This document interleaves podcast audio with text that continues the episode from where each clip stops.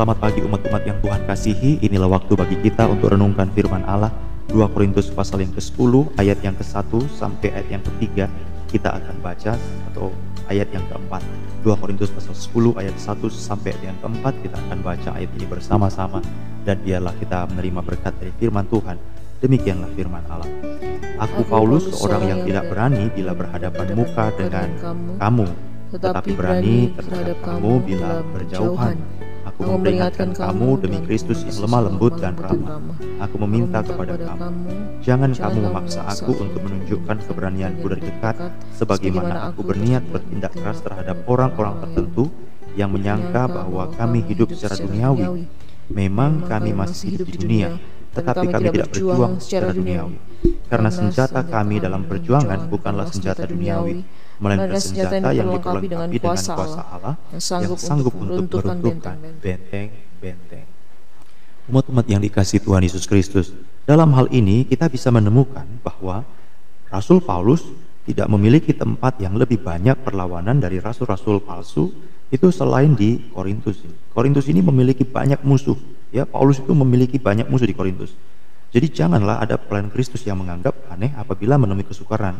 Bukan saja kesukaran yang ditimbulkan oleh musuh, tetapi saudara-saudara palsu menyatakan diri sebagai saudara, seolah-olah dia rekan.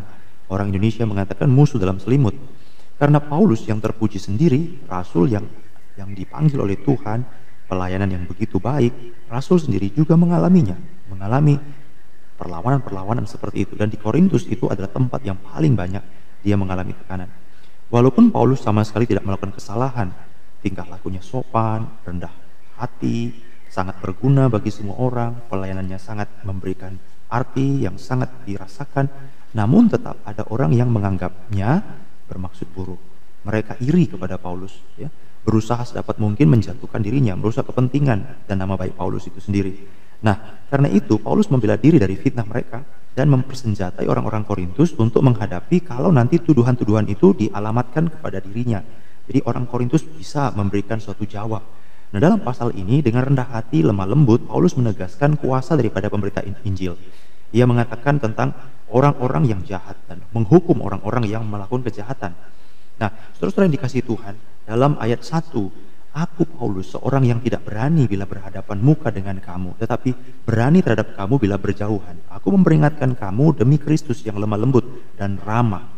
Saudara-saudara dikasih Tuhan, sikap lemah lembut dan rendah hati yang ditunjukkan oleh Rasul yang terpuji ini, Paulus ini terhadap orang Korintus, dia ingin mendap, men, menunjukkan betapa dirinya ingin supaya jangan timbul alasan bagi Rasul Paulus untuk bersikap keras menghadapi jemaat Korintus atau musuh-musuh yang terjadi atau yang ada di Korintus ini.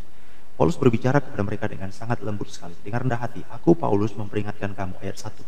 Nah, kita melihat di bagian surat ini ia berbicara atas nama dirinya, atas nama Timotius, tapi sekarang ia berbicara atas nama dirinya saja. Jadi kalau pada bagian awal, surat pertama, bagian pendahuluan, dia bilang, aku Paulus dan Timotius. Tapi sekarang dia hanya bicara dirinya sendiri. Dia tidak bicara tentang Timotius lagi. Nih. Dia bicara tentang dirinya sendiri, terhadap siapa Rasul-Rasul Paulus itu menuduh. Menuduh, karena Paulus kan dituduh. Itu lemah, itu cuma beraninya kalau jauh, kalau dekat itu tidak berani. Paulus menunjukkan sikap rendah hati, lemah lembut, karena ia mengingat sikap Kristus yang lemah lembut dan ramah. Nah, itu dia ayat 1. Karena sikap Kristus yang lemah lembut dan ramah. Jadi, saudara-saudara, orang percaya teladan hidupnya adalah Kristus. Jadi apa yang Kristus lakukan, itulah yang terus-menerus menginspirasi hati kita. Mengingat, menguasai, meng, meng, membuat kita bekerja karena Kristus. Membuat kita mengerjakan segala sesuatu karena Kristus. Merespon segala sesuatu karena Kristus. Dengan cara ini, Paulus ingin agar teladan yang luar biasa dari Kristus itu mendatangkan pengaruh yang sama bukan saja pada diri Paulus tapi pada diri orang-orang Korintus. Lihatlah, perhatikanlah. Ketika kita tergoda, cenderung bersikap kasar, keras terhadap seorang, ingatlah kelemah lembutan hati Kristus yang tampak dalam dirinya ketika dia menjadi manusia di dalam cara dia bertindak. Bagaimana Kristus? Dalam cara semua anugerahnya terhadap jiwa-jiwa yang sangat malang itu, bagaimana cara Kristus? Dan betapa rendah hati juga Rasul Paulus ketika berbicara mengenai dirinya sendiri. Dia mengatakan, aku seorang yang tidak berani bila berhadapan muka dengan mereka. Ini seolah-olah dia itu menunjukkan, kamu kan bilang aku tidak berani. Ya dia bilang aja, aku seorang tidak berani. Seperti katamu itu loh.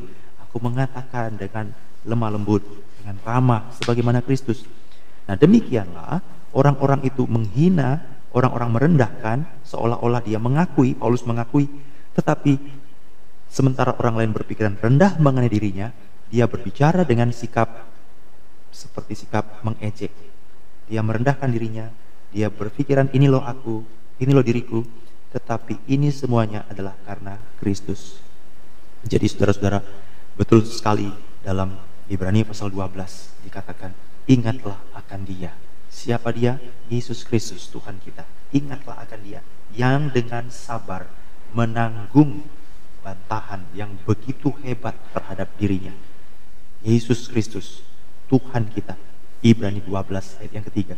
Ingat, ingat dia teladan kita. Ingat selalu akan dia yang tekun menanggung bantahan yang hebat dari siapa saja. Dari orang-orang yang berdosa, yang memusuhi Tuhan kita. Yang sangat-sangat keras sekali. Bahkan menjatuhkan hukuman yang sangat-sangat keras sekali. Supaya kamu jangan jadi lemah dan putus asa. Tuhan kita demikian. Dia mengalami sesuatu tekanan yang sangat hebat sekali. Saudara-saudara dikasih Tuhan, inilah suatu hal yang kita harus pikirkan. Kristus menjadi teladan. Tetapi ini semua dikerjakan. Karena apa? Karena Paulus ingin menunjukkan, bukanlah kami yang kami beritakan, tapi Kristus yang kami beritakan. Jadi kalaupun kami dituduh lemah, kalau kamu pun dituduh tidak berani, biarlah orang menilainya bukan karena kami, tapi karena kami melakukan Kristus teladan hidup kami. Itu yang kami sampaikan kepadamu. Jadi Yohanes Pembaptis itu adalah seorang yang sangat sederhana, tapi dia ingin menunjukkan kepada orang bahwa bukan dirinya yang hendak ditonjolkan, bukan aku yang hendak kutonjolkan, tetapi dia Kristus Yohanes 3:30 ia harus makin besar tetapi aku harus makin kecil. Ia harus makin besar tetapi aku harus makin kecil Saudara-saudara, kalau kita direndahkan, tetapi dengan direndahkannya kita, Kristus dipermuliakan, apa salahnya?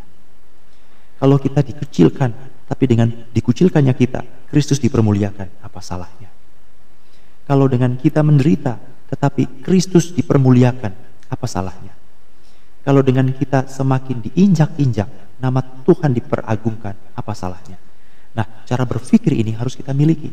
Nah, itu sebabnya Paulus dikatakan dalam ayat 1, memang seolah-olah rada mengejek. Memang itu dipakai rada mengejek, betul. Karena Paulus itu mengatakan dalam ayat yang ketiga, kedua dia mengatakan jangan kamu memaksa aku untuk menunjukkan keberanianku dari dekat.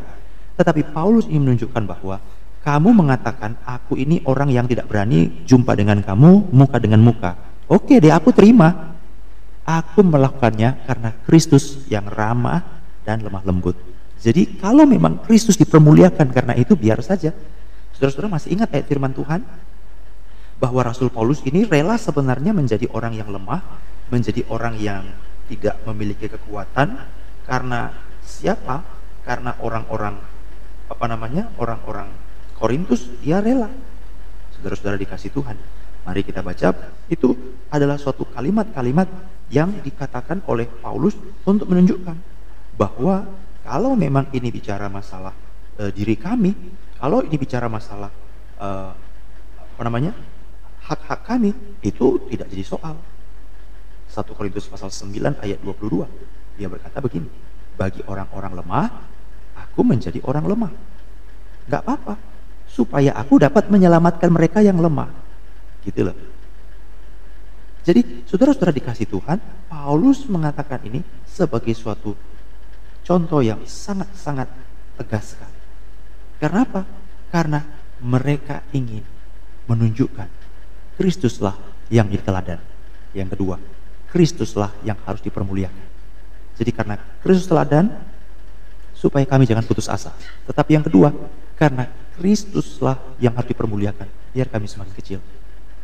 1 Korintus pasal 2 yang ketiga. Aku juga telah datang kepadamu dalam kelemahan. 1 Korintus 23. Aku juga telah datang kepadamu dalam kelemahan dan dengan sangat takut dan sangat gentar. Ngaku. Dia bilang apa adanya. Baik perkataanku maupun pemberitaanku tidak kusampaikan dengan kata-kata hikmat. Supaya apa? 2 Korintus 1 Korintus 2 ayat 5 1 Korintus 2 ayat 5 supaya iman kamu jangan bergantung pada hikmat manusia tapi pada kekuatan Allah oke okay? 1 Korintus 4 ayat 10.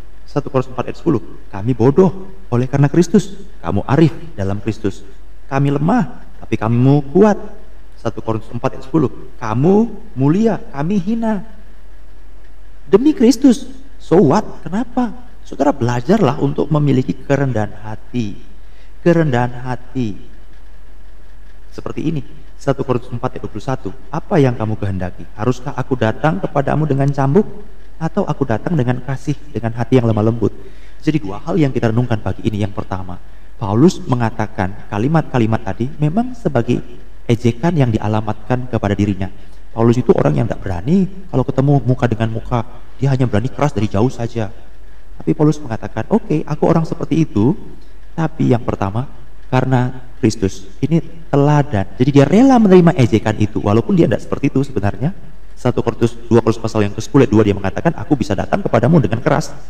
Satu Korintus pasal 4 aku bisa datang kepadamu dengan cambuk.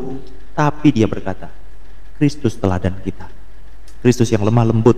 Kadang-kadang aku ini sifatnya keras, tapi kalau aku ingat Kristus, aku minta ampun. Tuhan, ajar aku supaya aku teladan Kristus. Jadi yang pertama, teladani Kristus supaya jangan lemah dan putus asa. Yang kedua, Alkitab mengatakan, biar kita semakin kecil, biar kita diejek, dihina, biar kita belajar menerima semua itu, asal Kristus dipermuliakan. Yohanes 3:30, biar aku makin kecil enggak apa-apa. Yang penting Kristus dia semakin besar. Biarlah umat-umat Tuhan pagi ini kita melangkah dengan iman, jangan baper, jangan apa namanya terbawa perasaan ya, jangan kita langsung merasa terserang dengan sesuatu yang tidak benar. Alkitab mengatakan sesuatu hal yang tidak pasti itu bisa menakutkan kita. Hati-hati, itu bukan ciri orang-orang percaya. Justru umat-umat Tuhan tetap tenang, tetap kokoh, tetap sesuatu berada pada keadaan yang sangat tegas. Ini adalah sesuatu hal yang kuat. Amsal pasal 28 ayat 1. Orang fasik lari walaupun tidak ada yang mengejarnya tetapi orang benar merasa aman seperti singa muda. Amsal 28:1. Jangan merasa terserang, belum ada apa-apa langsung baper. Tidak. Ingatlah, kalaupun kita diejek, dihina, menanggung bantahan dari semua, ingat Kristus. Jangan putus asa. Tenang, tetap kokoh. Dia itu memang benci kali sama aku, tahunya aku. Gak usah berpikir seperti itu. Orang fasik lari walaupun tidak ada yang mengejarnya tetapi singa muda itu, orang benar itu merasa aman seperti singa muda. Amsal 28 ayat 1. Ingat Kristus teladan kita yang ramah, rendah hati. Yang kedua, biarlah dalam segala sesuatu, biarlah dalam segala sesuatu kita mengerti bahwa Tuhanlah teladan hidup kita. Jadi kita biar semakin kecil asal Kristus dipermuliakan.